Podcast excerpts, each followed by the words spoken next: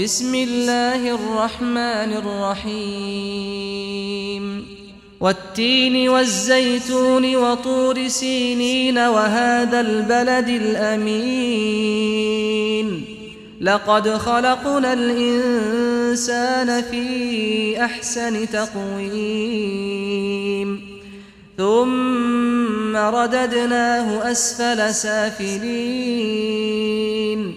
إلا الذين آمنوا وعملوا الصالحات فلهم أجر غير ممنون. فما يكذبك بعد بالدين. أليس الله بأحكم الحاكمين؟